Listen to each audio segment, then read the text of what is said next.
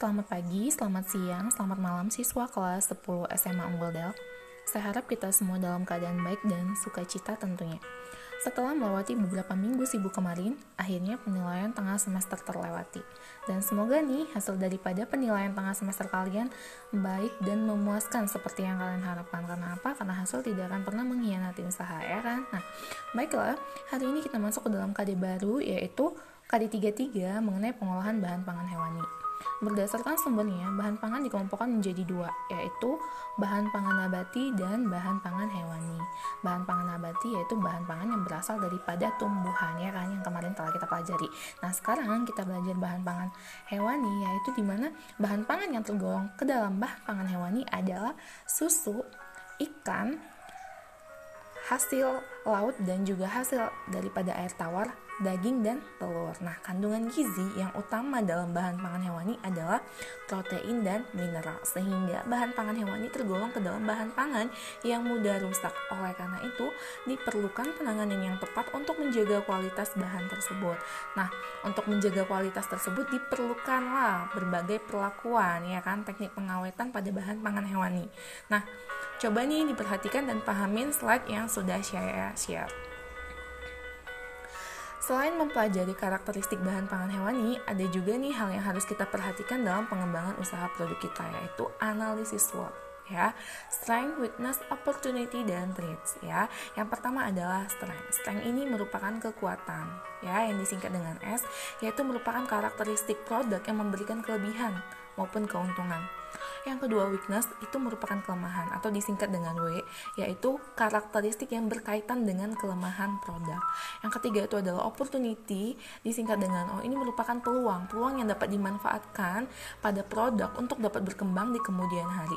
Dan yang terakhir itu threat, yang disingkat dengan T, yaitu ancaman yang akan dihadapi atau yang dapat menghambat perkembangan produk kita. Nah, dari keempat komponen tersebut, uh, strength, weakness, opportunity, dan traits uh, dibagi menjadi dua yaitu di mana uh, strength dan weakness itu merupakan faktor internal sedangkan trait dan opportunity itu merupakan faktor eksternal ya.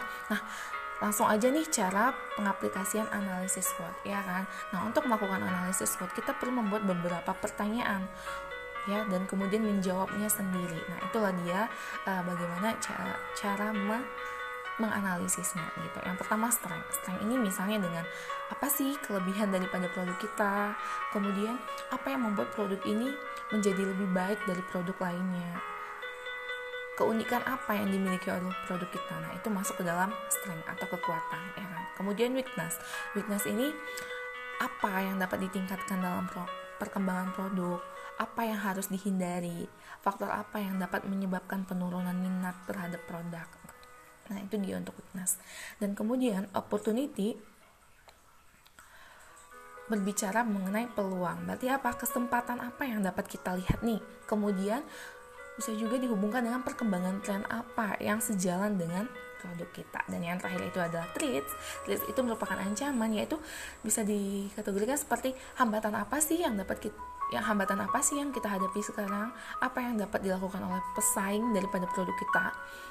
Kemudian perkembangan teknologi apa nih yang dapat menyebabkan ancaman bagi produk? Dan ada nggak sih perubahan peraturan pemerintah yang dapat mengancam perkembangan produk kita? Gitu Nah, jadi faktor-faktor yang mempengaruhi analisis SWOT ini yang pertama faktor internal yang tadi sudah Ibu jelaskan bahwasanya faktor internal itu strength dan weakness yaitu terdiri daripada sumber daya yang dimiliki seperti apa, keuangan dan finansialnya bagaimana, kelebihan dan kele kelemahan internal daripada si produk seperti apa dan untuk faktor eksternal itu dia ada opportunity dan risk. Nah, ini bisa di, uh, dihubungkan dengan tren ya kan. Kemudian budaya sosial politik bahkan perekonomian yang terjadi pada saat ini. Peraturan pemerintah perkembangan teknologi dan juga lingkungan. Nah ibu sudah bagi nih kalian ke dalam empat kelompok. Nah setiap kelompok itu akan membuat presentasi di mana kalian akan menganalisis uh, bahan pangan yang bersumber daripada susu ikan daging telur. Kemudian kalian analisis dengan masing-masing indikatornya gitu. Selanjutnya KBM hari ini akan kita lanjutkan di WAG dan Selamat mengerjakan.